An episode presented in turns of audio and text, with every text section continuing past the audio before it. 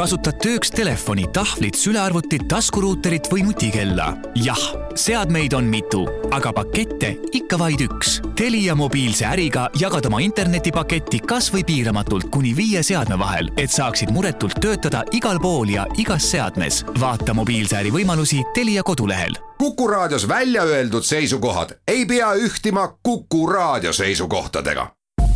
Te kuulate Kuku raadiot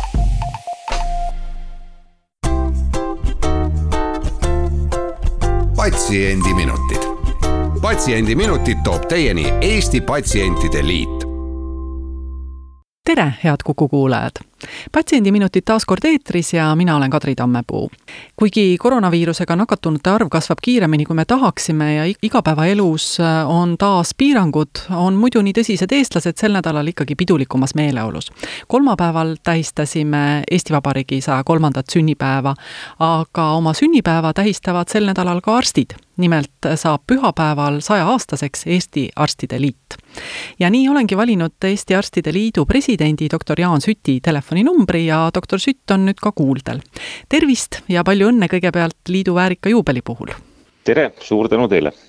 igasugu kogunemisi tuleb praegu vältida. kuidas Arstide Liit selles koroonaepideemia keerises oma sünnipäeva tähistab? me tähistame sellel aastal sünnipäeva tegelikult terve aasta jooksul, aga need nii-öelda suuremad üritused, meie paraadüritus, milleks on Eesti arstide päevad, Need me oleme sellel aastal, äh, arvestades just seda koroona olukorda, lükanud kevadest sügisesse lootuses, et, äh, et siis ongi vaktsineeritud inimeste hulk äh, juba suurem ja koroonaviiruse levik ühiskonnas natukene pidurdunud. selle asemel siis praegu kasutame igasuguseid uusi tänapäevaseid tehnoloogiaid ja meetodeid meil on juba üks üritus selja taga, konverentsil Kliinik äh, kaks tuhat kakskümmend üks äh, oli meil sessioon äh, Eesti Arstide Liidu sajanda juubeli puhul.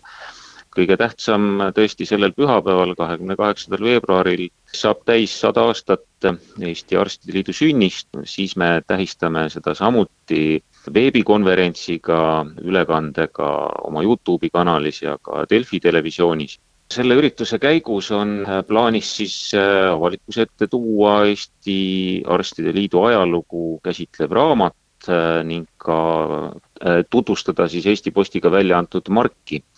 no mis selle postmargi peal on? postmargi peal on kujutatud meie ajalooline hoone Tartus Pepleri tänaval ja teine suur osa sellest margist on siis ikkagi meie enda kolleegid igapäevaseid toimetusi tegemas, selge, kus seda marki osta saab, igalt poolt või? jaa, igalt poolt, et see on Eesti Posti kaudu levitatav või siis Omniva kaudu levitatav mark teine huvitav asi oli siis ka see trükist ilmunud raamat Arstide Liidu sajand. kas see raamat on teil endal juba läbi loetud? Suurelt jaolt on jah, seda sirvitud, et päris läbi lugeda ei ole veel jõudnud, aga tõepoolest jah, on, olen näinud. aga mida huvitavat või üllatavat te sealt enda jaoks avastasite? no eks Eesti Arstide Liidu ajalugu võib-olla just selle, selle sünniaeg on nagu väga hästi ja huvitavalt kirja pandud. kõik on nii-öelda kokku võetud ja väga uhke tunne on seda lugeda. Just nimelt selles osas, et sada aastat tagasi on arstid ikkagi ka Eesti ühiskonnaelus ja Eesti omariikluse kujundamisel ikkagi väga suurt rolli mänginud no meenutame siis kuulajale ka natukene lähemalt, et kuidas see organiseerumine arstidel alguse sai või miks Arstide Liit, toonase nimega siis Eesti Arstide Seltside Liit tekkis? Jah, arstid on üritanud äh, organiseeruda tegelikult juba ka enne seda, üheksateistkümnenda sajandi lõpul on tahetud Eestis arste ühendavat organisatsiooni luua ja kahekümnenda sajandi päris algusaastatel samuti siis muidugi võõrvõim ei lubanud äh, kasutada selle seltsi nimes sõna Eesti ja on olnud mitmeid erinevaid äh, lühikest aega toiminud äh, seltse ühinguid, nagu näiteks Põhja-Balti Arstide Selts lubati seda kutsuda. ja eks alguses oligi nii, et Eesti soost arste oli väga vähe, et olid ikkagi põhiliselt saksa ja vene päritolu arstid siin Eestis toimetamas, aga iga aastaga neid tuli üha juurde ja juurde ja järjest rohkem tekkis seda iseolemise soovi, et see sõna Eesti seal ka ikkagi kõlama saaks. Nii see asi siis läks oma loomulikku rada, kuni kahekümne kaheksandal veebruaril jah, tuhat üheksasada kakskümmend üks registreeriti siis äh, Haapsalu rahukohtus Eesti Arstiseltside Liidu põhikiri. see oli siis nii-öelda praeguse Eesti Arstide Liidu eelkäija siis sünnidaatum. Kas on ka teada, kui palju tollel ajal üldse Eesti soost arste oli, sest on ju teada, et oli palju vene ja saksa ja juudi arste sealt raamatust ka selgub, neljasaja kanti oli võib-olla sellel ajal üldse Eestis arste, ehk siis äh, rohkem kui kümme korda vähem, kui, kui meil täna Eestis arste on. Ja neist siis äh, võib-olla siis pooled olid Eesti soost ma olen ka väga põgusalt sellest raamatust killukesi saanud siit ja sealt ja, ja üks killukene, mis jäi meelde, oli, et liidu algusaegadel ei tahetud teistest rahvustest arste liitu vastu võtta. Ja toona siis põhjendati seda sellega, et teised seltsid olid üleriiklikud, aga, aga Eesti seltsid olid sellised piirkondlikud, oli Tartu Eesti Arstide Selts ja Tallinna Eesti Arstide Selts kas ähm, on ka teada, kui palju näiteks täna teistest rahvustest arste arstide liitu kuulub? no päris äh, sellist statistikat meil nii-öelda rahvuste järgi hetkel ei ole tehtud. Äh, kokku on meil täna üle kolme tuhande kahesaja liikme, aga lõviosa neist on ikkagi Eesti päritolu inimesed ja inimesed, kes on siis oma arstihariduse saanud ka Tartu Ülikoolis.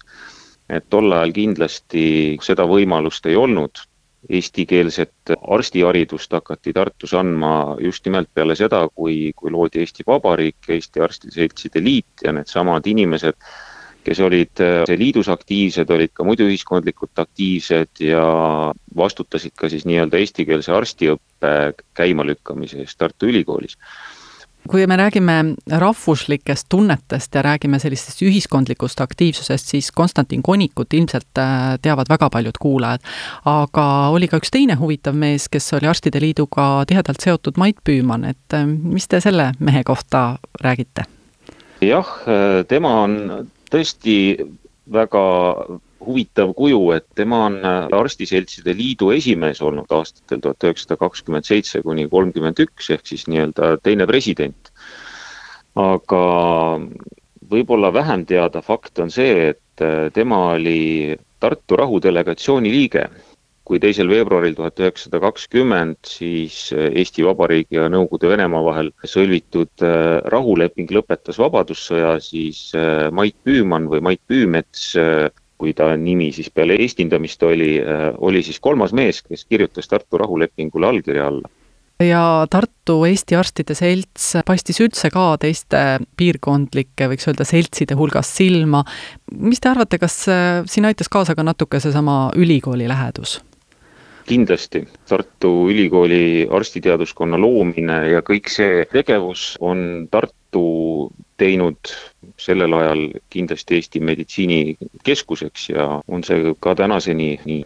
No lisaks asutas Tartu Eesti Arstide Selts ka paar ajakirja, üks neist vähemasti ilmub tänaseni, räägin ajakirjast Eesti Arst. jah, ajakiri Eesti Arst on meie suur selline asi, mille üle me uhkust tunneme, et kui te kujutate ette, mis elu sada aastat tagasi oli, kõik käis saksa või vene taktikepi järgi, kogu meditsiiniõpe ja terminoloogia oli pärit võõrast keeleruumist, siis Arstiseltside Liidu üks tegevus oli ka luua ajakiri Eesti Arst ja selle ajakirja üks põhiline eesmärk ongi välja töötada ja luua e-, Eesti meditsiinikeel.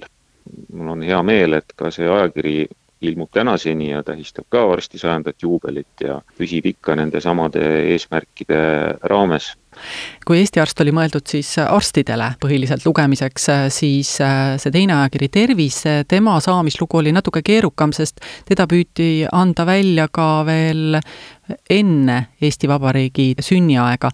kellele see ajakiri mõeldud oli? see ajakiri Tervis oli selline populaarteaduslik ajakiri, võib nii öelda juba tollal saadi aru, et inimesteni tuleb jõuda ikkagi lihtsas ja neile arusaadavas keeles. ega saja aastaga ei ole väga palju midagi muutunud, et inimestes on ikka teatav umbus võib-olla sellesse traditsioonilisse meditsiini, üritatakse leida abi sellise ebateaduse poole vaadates, midagi teha ei ole, nemad saavad anda lihtsaid vastuseid keerulistele probleemidele. meie seda oma töös kahjuks alati teha ei saa mis sellest ajakirjast Tervis siis lõpuks sai, et kas see lõpetas tegevuse siis, kui tuli võõrvõim või lõppes see tegevus juba varem? see lõppes jah, juba varem, et seda on üritatud kaks korda tõesti ajaloos selle, sellenimelist äh, ajakirja välja anda, ühe korra siis äh, oli tõesti selle väljaandmine seotud äh, Eesti Arstiseltside Liiduga, aga mis need põhjused nüüd täpselt olid, kestma see ei jäänud, aga õnneks on täna ajakirjandus võtnud selle rolli üle ja populaarteaduslikud asjad on need, millega Eesti Arstide Liit ka kindlasti jõudumööda tegeleb, aga aga täna me hetkel keskendume rohkem äh, ajakirja Eesti Arst väljaandmisele. Läheme siit kiirele pausile. patsiendiminutid. Patsiendiminutid toob teieni Eesti Patsientide Liit oleme pausilt tagasi ja räägime doktor Jaan Sütiga Arstide Liidu sajanda juubeli eel selle ajaloost. jäime pooleli ajakirjade Eesti Arst ja Tervis väljaandmise juurde. kolmas huvitav asi, mis mul on kõrvu jäänud, on Eesti Tervishoiumuuseum on samuti alguse saanud Tartust, et kuidas see siis niimoodi juhtus? Jah, see oli siis tuhat üheksasada kakskümmend kaheksa, kui Eesti Arstide Liidu tegevus oli kasvanud nii suureks, et meil olid vaja hankida oma ruumid kohe üks eraldi eesmärk oli siis leida ruumid selle tervishoiumuuseumi jaoks. Ja meie Pepleri kolmkümmend kaks aadressil olev maja ongi soetatud tuhande üheksasaja kahekümne kaheksandal aastal just nimelt selle, selle eesmärgiga. see muuseum tegutses seal tõesti mõnda aega ja nüüdseks on ta kolinud Tallinnasse, aga alguse on ta tõesti saanud siit Tartust ja, jah, ja seal veel see eellugu oli vist isegi selline, et mõnda aega tegutses ta Vanemuise nelikümmend kuus õppehoones, enne seda, kui Arstide Liidul seda Pepleri tänava maja ei olnud kuidas teil õnnestus see Pepleri kolmkümmend kaks tagasi saada, sellepärast et väga paljud võõrvõimu poolt ära võetud majad jäid ju tagastamata, kuidas Eesti arstid sellega hakkama said, ma mäletan, vist Tartu prokuratuur asus tollel ajal selles majas. Jah, see lugu oli tõesti päris pikk ja huvitav, et selle tagasisaamine ei olnud üldse mitte nii lihtne, et me pidime tõepoolest prokuratuuri inimestega ka kohut käima, et tõestada, et õigusjärgselt see, see hoone kuulub ikkagi meile ja et meie oleme Eesti Arstiseltside Liidu siis õigusjärglased kui üksteist juuni tuhat üheksasada kaheksakümmend kaheksa Eesti Arstide Liit tegevuse taas alustas, et siis need protsessid kõik käima lükati ja õnneks oli sellel õnnelik lõpp. et vahepealse okupatsiooniaja, kui Eesti Arstide Liit ei saanud siin tegutseda, siis hoidis meie tegevust ja oli meie õigusjärglane Eesti arstide selts Rootsis. kui palju tollel ajal Eesti arste Rootsis oli või kui suur see väike rakukene seal Rootsis, kes toimetas Eesti arstide nimel, kui suur see oli? Neid oli seal paarikümne ligi ja tõusude ja mõõnadega on see organisatsioon seal veel tänaseni toimetamas. Meie kolleegid äh, on Eesti Arstide Liidu nii-öelda piirkonnaorganisatsioon või meie liige, seal on praegu ka veel Eesti Arstide Selts olemas. Kui ähm, mõelda, millega Arstide Liit täna tegeleb, siis äh, ei ole midagi uut siin maa peal, et ähm, nii nagu toona, sada aastat tagasi võitlesid jaoskonnaarstid madalate palkade vastu, siis ka täna ju Arstide Liit äh, tegeleb ähm, arstide töötingimustega. no tol ajal oli asi muidugi hullem, sellepärast et Haigekassad ja vallad, nemad palkasid siis usaldusarstideks eh, väikese raha eest arste ja lootsid, et erapraksisega arstid teenivad ülejäänud palga välja, noh nii, et ellu jääda. kas on ka praegu ikkagi nii, et mõnikord tahetakse arstidelt koorida mõni nahk rohkem, kui tervislik oleks? no tervishoius täna on jah, üks võib-olla kõige suuremaid probleeme ongi ületöötamine, et töökoormused on väga suured, et seda mitte ainult arstide, vaid seda kindlasti ka õdede ja hooldajate hulgas. kuidas seda probleemi lahendada, seda on väga keeruline öelda, meil on lihtsalt neid inimesi vähe, et kiiret lahendust siin ei ole, et siin aitab ainult see, et äh, tuleb neid töötajaid juurde koolitada. Üks asi, milles Arstide Liit kindlasti on edukas olnud siin nüüd äh, taasiseseisvumise järgselt, on äh, see nii-öelda ametiühingualane tegevus ehk siis arstide töö ja palgatingimuste eest võitlemine.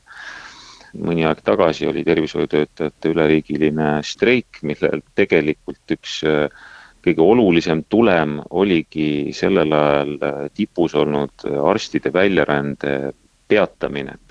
seda on võimalik statistiliselt ja graafiliselt lausa ära tõestada, et kui tervishoiutöötajate streigijärgselt äh, töö- ja palgatingimused paranesid, siis äh, nende kolleegide hulk, kes äh, võtsid meie Terviseametist välja tõendi, et nad on Eestis arstiks õppinud ja soovivad välismaale praktiseerima minna, nende hulk vähenes kohe kordades ja töö ja tegevus selles suunas peab kindlasti ka jätkuma. no ilmselt ta jätkubki, sest ega vist kollektiivleping ei ole veel alla kirjutatud, mis peaks hakkama kehtima, ma saan aru, et selle aasta aprillist? No tegelikult jah, hetkel on meil olukord, kus vana kollektiivleping lõppes ära eelmise aasta kolmekümne esimese detsembriga, noh, seadusest tulenevalt need tingimused kehtivad küll edasi, aga ilus oleks olnud, kui eriti veel nüüd siin koroona tingimustes riik võib-olla veidikene rohkem märkaks ja väärtustaks tervishoiutöötajaid, et ei ole siiamaani loomulikult veel lootust kaotanud ja märtsikuu jooksul hiljemalt tahaks mina küll selle uue kollektiivlepingu allkirjastada, arusaadavalt me seoses äh, riigi olukorraga sealt äh, selliseid tulemusi ei oota, nagu eelmise aasta alguses seda kollektiivlepingu projekti välja töötades, aga, aga kindlasti mingisugune palgatõus, mingisugune see töötingimuse paranemised äh, peavad sellel kevadel tervishoiutöötajatele tulema ja ilmselt äh, tavaline kodanik näeb seda nii, et kas tuleb arstide streik või ei tule. aga oma aastapäeva kõnes ütles Kaitseväe juhataja Martin Herem, et praegu käib kõige nähtavam lahing ikkagi tervishoius ja mitte küll palgarindel, aga koroonaviiruse leviku kontrolli alla saamiseks. kuidas praegu haiglas olukord on, teie töötate kliinikumis? hetkel kahjuks ei ole midagi rõõmustavat selles vallas öelda, et et nagu me riiklikust statistikast näeme, siis haigestumus on jälle kasvujoones ja haiglasse saabuvate koroonapatsientide arv on tõusnud. uued riiklikud piirangud kuulutati välja ja eks me näe, kuidas need mõjuvad, aga rasked ajad on ees ilmselt. ja ma usun, et see, kui inimesed paneksid maskid ette, oleksid äh, isolatsioonis, kui vaja, et see aitaks arste kõige rohkem see oleks meie parim sünnipäevakink, kui inimesed tõepoolest väldiksid kontakte, kannaksid maske ja kõik, kellel tekib võimalus, kasutaksid vaktsineerimist. kui helistab perearst või mõni muu vaktsineerimiskeskus ja ütleb, et, et nüüd tuleb tulla, et siis seda võimalust tasuks kindlasti kasutada praegu tõepoolest vaktsiine on riigis veel vähe, et kõikideni see ei jõua, aga ka riskigrupi töötajate vaktsineerimine on alanud, õnneks tervishoiusektoris on see kulgenud päris hästi. arstidest on küll äh, suurem osa vaktsineeritud, et olen ise ka vaktsineeritud ja, ja karta seda ei tasu. see, kui vaktsiin on tehtud, see annab ikka väga suure turvatunde, et see üliraske haigus ikkagi ei hakka külge või siis kui hakkab, siis seda põetakse ikkagi oluliselt kergemalt. ja suur aitäh, doktor Jaan Sütt täna Arstide Liidu tegemistest rääkimist ja veel kord tervitame teie kaudu kõiki Eesti arste. aitäh, olge terved! täname ka kõiki kuulajaid, oleme taas eetris nädala pärast ja seniks püsigem terved! patsiendiminutid. patsiendiminutid toob teieni Eesti Patsientide Liit